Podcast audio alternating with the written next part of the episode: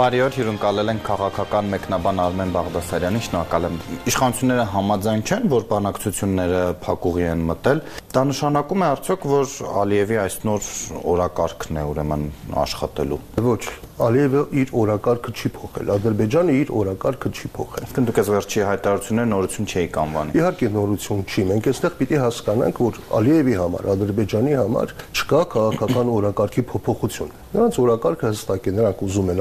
ամբողջությունը Սևանի ավազանի մի մասը եւ այլ եւ այլ եւ այլ։ Իրենց համար պատերազմը կամ խաղաղ բանակցությունները ոչ թե նպատակ են, այլ մեթոդ իրենց նպատակին հասնելու համար։ Եվ նրանք այդ նպատակին հասնելու համար մի քանի պահեստային տարբերակներ են մշակում։ Եթե հնարավոր կլինի ճնշումներով հասնել նրան, որ Հայաստանը դա թղթով տա, իրենք դա հաճույքով կվերցնեն։ Եթե պահը հարմար լինի, իրենք դա ռազմական ճանապարհով վերցնեն, այդպես կարեն։ Այսինքն պատերազմը, թե բանակցությունը դրանք ընդհանրապես մեթոդ են, նպատակը Ադրբեջանի չի փոխվել։ Այսինքն դուք շատ ուղիղ տարածքային պահանջ եք տեսնում, երբ նա օրինակ մերժում է 70-ականների քարտեզը եւ ավելի հին ինչ որ փաստաթղթերը վկայակոչում, որոնցով նույնիսկ Երևանն է ասում է ադրբեջանական։ Իհարկե, իհարկե դա ուղիղ պահանջ է, տարածքային պահանջ է, ընդ որում առանց հստակեցումների, որտեղ այդ իր ասած 19-20 թվականների քարտեզներով անգամ վստահ եմ նրանք դրան էլ համաձայն չեն լինի, որտեղ այդ քարտեզներով Նախիջևան օրինակ Հայաստանի, օրինակ են բերում բայց իրենց նպատակը դա չի, իրենց նպատակը անորոշությունն է,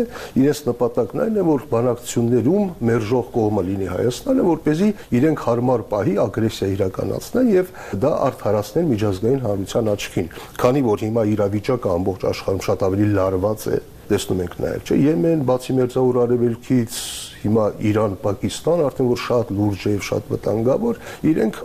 կարող է հարմար համարեն եւ ռազմական ճանապարհով փորձեն իրականացնել դա։ Դրա համար էլ այսօր ռազմական գործողությունների վերսկսման հավանականությունը շատ ավելի մեծ է, քան օրինակ մի քանի շաբաթ կամ մեկ ամիս առաջ։ Եվ չկա որևէ ուժ, որը բռնելու է Ալիևի ձեռքը, որովհետեւ այնուամենայնիվ 29800 առնվազն վերջին 30 տարում համարվել է անձնմխելի Հայաստանի ինքնիշխան տարածք ամբողջ աշխարհի համար։ Այնպես չի, որ Ադրբեջանը այդպիսի մտավախություն չունի։ Եթե չունենար, վաղուց կգնար այդ ճանապարհով։ Հիմա իրենց հաշվարկը կարող է լինել հետևյալը ինչպես Ռուսաստանը սեպտեմբերին վտանգ կար, որ հայ-ադրբեջանական կոնֆլիկտը կարող է վերածվել այնպիսի փուլի, որ ինքը ներքաշվի ռազմական գործողություններ, պատերազմից իր համար երկրորդ ճակատ բացվի, Ռուսաստանը գերադասեց զոհաբերել Արցախը, միայն թե երկրորդ ճակատ իր համար չբացվի։ Հիմա նույնը կարող է անել Իրանը։ Իրանը մինչև հիմա շատ կոշտ դիմադրում էր, խոսում էր Հայաստանի տարածքային ամբողջականության անձեռնմխելիության մասին եւ այլ եւ այլ,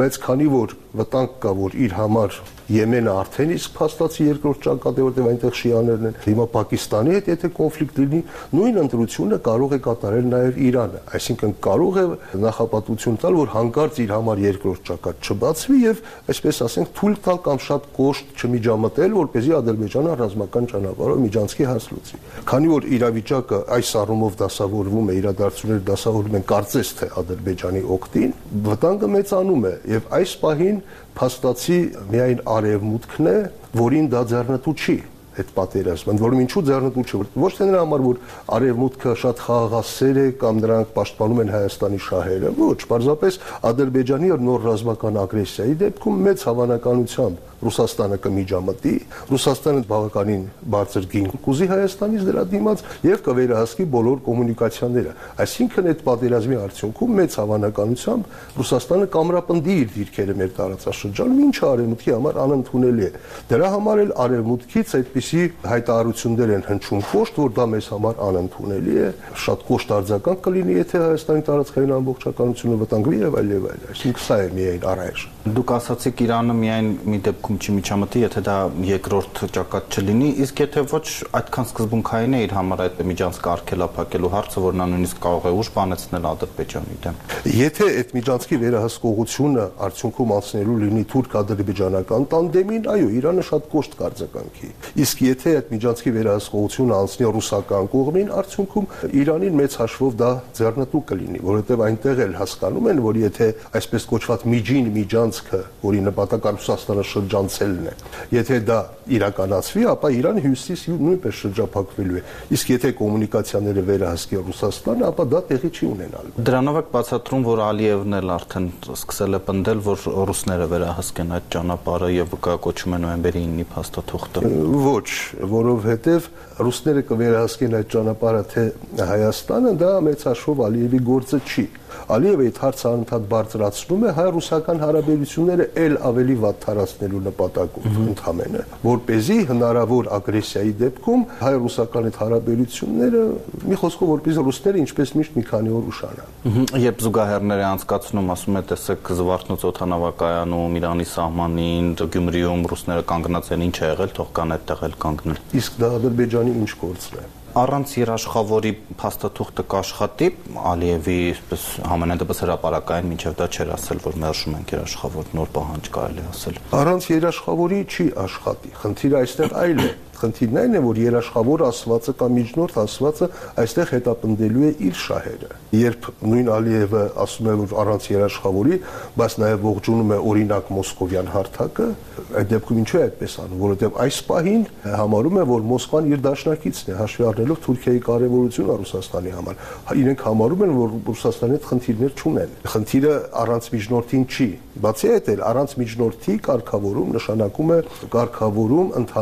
ուժերի հավասարակշռության հիման վրա արգա եւ ոչ թե միջազգային իրավունքի հիման վրա իսկ միջազգային երաշխիքների արկայությունը նշանակում է որ ադրբեջանը չի կարող ամեն ինչ թելադրել, պարտադրել ուժի դիրքերից իսկ արևմուտքի դեպքում այդ երաշխավորի ինստիտուտը կաշխատի այդ երաշխավորի ինստիտուտը արևմուտքի դեպքում նույնպես չի աշխատի կաշխատի որևէ փաստաթուղթ խաղաղության եթե դա ձեռնտու լինի եթե դրա շուրջ կոնսենսուս լինի ուժային բևեռների միջև աշխարհի հիմա այդ կոնսենսուսը չկա Դրա համար Ռուսաստանը Իրանը պնդում են, որ սա պիտի կարգավորվի 3 գումարած 3 ֆորմատով, ինչը նշանակում է, որ հարավային Կովկասը պիտի դառնա փակ տարածաշրջան։ Այնպես ինչպես լինում են փակ ծովեր, բաց ծովեր, այնպես էլ պիտի լինի փակ տարածաշրջան, որտեղ մուտք պիտի ունենան միայն Ռուսաստանը, Իրանը եւ Թուրքիան իսկ արևմուտքը ցանկանում է որ տարածաշրջանը լինի բաց, որ เป զի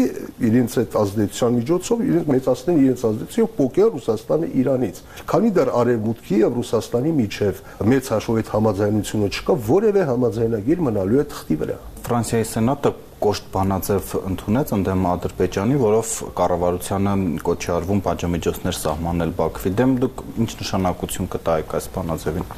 Ես հեռու եմ այն մտքից, որ Ֆրանսիան մեր դաշնակիցն է, անկեղծ ասած, որովհետև Ֆրանսիան հավաքական արևմուտքի առանցքային երկրներից մեկն է, իսկ հավաքական արևմուտքը այստեղ ունի իր շահերը։ Այլ հարց է, որ այս փուլում այդ շահերը համընկնում են Հայաստանի շահերին գոնե, այսպես ասենք, խաղաղության խաչմերուկի հարցով որովհետև եթե նկատել եք խաղաղության խաչմերուկի մեջ Ռուսաստանի դերակատարում ընդհանրապես չկա։ Խաղաղության խաչմերուկը մեծ հաշվով դա միջին միջանցք խաչմերուկն է։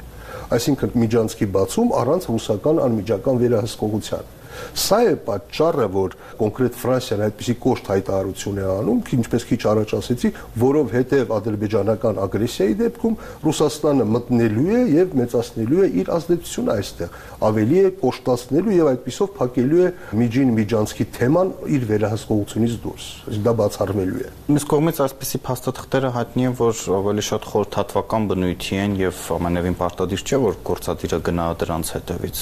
Բնականաբար այդպես էլ կլինի եւ Ֆրանսիայի սենատը եթե նման որոշում է ընդունում, ամենևին չի նշանակում, որ Ֆրանսիան դադարեցնելու է իր տնտեսական, էներգետիկ համագործակցությունը Ադրբեջանի հետ, նույնպես էլ թղթի վրա են մնալու օրինակ Ադրբեջանի Միլլի մեջլիսի հետ կոշտ հայտարարությունները, հասկանալի է, որ սրանք ավելի շատ ներքաղաքական ինչ որ նպատակներով կարելի է օգտագործել, բայց պետությունները որպես կանոն շատ ավելի պրագմատիկ շահերով են առաջնորդվում եւ այդ պրագմատիկ շահերի մեջ մտնում է այն, որ արևմուտքի համար էլ Ռուսաստանի համար էլ մեր տարածաշրջանում ցավոք ավելի ձեռնտու է համագործակցել Ադրբեջանի հետ, քան Հայաստանի։ Այդ փաստաթղթում նաև արցախցիների վերադարձի մասին է խոսվում։ Դուք ընդհանրապես այդպիսի երաշխիք այսօր տեսնում եք, որ կարող է ապահովել հայերի վերադարձը։ Մենք պիտի հասկանանք, որ այս պահին դա իրատեսական չի, բայց եթե անգամ ինչ որ երաշխիքներ տրվեն, եւ Արցախայության ինչ որ մի հատված գուցե մեծ հատված վերադառնա այնտեղ մենք միևնույն է չենք ունենալու այն Արցախը որ ունեինք մինչեւ 44 օրյա պատերազմը եւ ինչ ունեինք մինչեւ սեպտեմբերի 20-ը այսինքն դա չի լինելու Մենք պիտի հասկանանք ամենայն դեպս ուժերի այս դասավորվածության պայմաններում։ Ուրիշ հարց, պետք է արդյոք դա հանել Հայաստանի քաղաքական օրակարգից թե ոչ։ Իհարկե պետք չի հանել, որովհետև նախ եւ առաջ դա մեզ ոչինչ չի տալու Ադրբեջանը միևնույն է շարունակելու է ինչպես վարչապետն է ասում տարածքային պահանջներ գեներացնել Հայաստանի նկատմամբ, այսինքն դա ավելի չի մոտեցնելու խաղաղությունը եւ երկրորդը իրավիճակը կարող է փոխվել ամեն պահի, որտեղ այս турբուլենտության փուլը ցանկացած պահի կարող է կտրուկ փոփոխություններ բերել եւ մենք պիտի պատրաստ լինենք դրան, պիտի պատրաստ լինենք ինչպես դրան, այնպես էլ նոր հնարավոր ագրեսիային, պիտի այդ ստանդարտ քայլեր անել, այսինքն գտնել նոր հուսալի ամուր դաշնակիցներ, հին դաշնակիցների հետ հարաբերություններ կարգավորել, ամրապնդել բանակը, համախմբել հասարակությանը խոսքով ուժեղանալ։ Մենք պիտի պատրաստ լինենք դրան, եւ քանի որ Արցախի վրա վերջնականապես խաչ քաշելը նախ անթույլատրել է բարոյական եւ այլ առումներով եւ երկրորդը անիմաստ է, որովհետեւ դա որևէ միլիմետրով անգամ չի մոտեցնելու խաղաղությունը, ուրեմն չի կարելի անել դա բայց մյուս կողմից բանակցային նյութ դարձնելն էլ վտանգավոր չեք համարում արդյոք, որովհետև միանգամից հաջորդում է Ալիևի հա, հայլային պահանջը, ուրեմն մենք էլ հետ կգանք Հայաստան։ Համաձայն եմ, բայց ես վստահ եմ, որ Ադրբեջանը այսպես թե այնպես այդ պահանջից չի հրաժարվելու։ Ապացույց Արցախում այլևս հայ չկա, բայց Ադրբեջանը միևնույն է շարունակում է խոսել իր փախստականների վերադարձի մասին, շարունակում է խոսել անկլավների մասին, ընդ որում դեպի անկլավներ տանող ճանապարհների հայկական վերահսկողության բացառման մասին, այսինքն այնպես չի, որ Արցախ հայաթափելուց հետո իրենց պահանջները մեղմացել են, հակառակը ավելի են կոշտացել եւ դա հասկանալի է թե ինչու։ Երբ որ դու ինչ որ բան զիջում ես, բնականաբար դիմացինը ավելին է պահանջում եւ ոչ թե համարում է, որ վերջ արդեն այսքանը ինձ բավական է։ Այդպես չեն վարվում պետությունները։ Դուք անկլավները հիշատակեցիք, երբ Ալիևը այդ 8 գյուղերը նշում է հիմա 4-4 է բաժանել, բայց դա նաեւ չի նշանակում, որ իրենք էլ պիտի վերադարձնեն օրինակ Արցվաշենը։ Գործնականում նշանակում է, բայց Ադրբեջանի իշխանությունները այսպիսի մի փաստարկ ունեն։ Ասում են մենք չենք ճանաչել որ ներխուժել ենք ձեր տարածք, մենք դա չենք ընդունել։ Իսկ Նիկոլ Փաշինյանը ընդունել է, որ անկլավները Ադրբեջանն են, այստեղ նրբություն կա։ Դրա համար էլ ասում են, քանի որ դուք դա արդեն ճանաչել եք, ուրեմն տվեք դա։ Իսկ նա մենք չենք ճանաչել, դեռ հետո կորոշենք։ Դրա համար էլ պետք չէր նախապես ասել դա, պետք էր այդ հարցը թողնել հետագային, այսինքն սահմանազատման գործընթացի արդյունքում պիտի արվեր դա եւ ոչ թե նախապես ասել, որ այո, ադրբեջանական այդ 3 անկլավները Հայաստանի 29.8000 տարածքի մեջ չեն։ Դուք էլ ասացիք եւ ավելի ավելի անընդհատ ամրանում է այդ կանխատեսումը, որ հնարավոր է պատերազմ սանձազերծվի Հայաստանի դեմ։ Այս իմաստով դուք Երևանի դիմադրողականությունը ինչպես եք գնահատում այս հետ պատերազմյան տարիների արված աշխատանքը։ Ես չեմ տեսնում, որ Հայաստանի իշխանությունները պահեստային տարբերակ ունենան մշակած բացի խաղաղության դարաշրջանի բացումից։ Այսինքն Ադրբեջանը պատրաստվել է եւ խաղաղության, եւ պատերազմի, եւ բանակցությունների միջոցով իր ուզածը ստանալու։ Մենք կարծես թե պատրաստվել ենք միայն խաղաղության ու հանկարծ այդ փուչիկը պայթում է եւ դրա համար էլ այսպիսի խոճապային տրամադրություններ այդ ընթացքում այնինչ պիտի արվեր ես ամենայն դեպս տեսանելի լուրջ քայլեր չեմ տեսնում դրա համար Ադրբեջանը արդեն ավելի ու ավելի կոշտացնում է հռետորաբանություն սա չի նշանակում թե մենք դիմադրելու ռեսուրս իհարկե չունենք ունենք եւ այնպես չի որ ադրբեջանական բանակը գալու է քայլարշավով քայլերթով մտնելու է Հայաստանի տարածք այդպես չի բայց մենք շատ բան կարող ենք անել առաջին հերթին հասարակությանը համախմբելու եւ մեր պոտենցիալ դաշնակիցների հետ հարաբերությունները գոնե կարգավորելու առումով մենք ցավոք կարծես թե հակառակն ենք արել դուք Ռուսաստանին նկատի ունեք այդ պոտենցիալ դաշնակիցը ոչ միայն Ռուսաստանին Ռուսաստանին Իրանին նույն արևմուտքին կարելի է այլ դաշնակիցներ գտնել խոսքը միայն թղթի վրա դաշնակիցը չի պետք է իրականացնել այնպիսի քաղաքականություն որ իրենց ձեռնտու լինի քեզ պաշտպանելը եւ ոչ թե այնպես անել, որ իրեն ձեռնտու լինի քեզ ագրեսիայի ենթարկելն ու վերջին պահին գալ փրկելը։ Դրանք բոլորովին տարբեր բաներ են։ Դուք շատ եք ասել, որ խնդիրը նաև բանակցողն էր պատերազմից հետո, բայց տեսեք հիմա հետահայաց իրադարձություններն այնպես զարգացան, որ ով լիներ Նիկոլ Փաշինյանի փոխարեն, որ կանգնեցներ այս իրար հաջորդող աղետները, որի հիմնական պատճառներից մեկը փաստորեն ռուս-ուկրաինական պատերազմն էր։ Մեր գլխի եկած հիմնական աղետները տեղի են ունեցել ռուս-ուկրաինական պատերազմից առաջ Երկրորդ, երբ որ մենք հարց ենք բարձրացնում, թե ով լիներ, որ չչանե, դա նշանակում է, լավ, ով գա որ կարգավորի, դուք դա նկատի ունեք։ Ով ուզում է գա, բացի նրանից, ով այս աղետներին է հասցրել երկիրը։ Պետք չի հարցը դնել ով, որտեղ անձերը չեն խնդիրը։ Խնդիրը ծրագիրն է։ ինչ ծրագիր պիտի իրականացվի, ինչ ճանապարհով պիտի երկիրը դուրս բերվի այս վիճակից։ Երբ որ ճանապարհի եւ մեթոդների ընտրությունը կատարվում է, նոր դրանից հետո որոշվում է այն անձը կամ քաղաքական ուժը, որը լավագույնս կիրականացնի այդ ծրագիրը։ Մենք հակառակն ենք անում, մենք ընտրում ենք անձին, առանց հասկանալու թե ինչ պիտի անել։ Շնորհակալ եմ կրկին, որ արձագանքեցիք մեր զրուցակիցներ քաղաքական մեկնաբան Արմեն Բաղդասարյանը։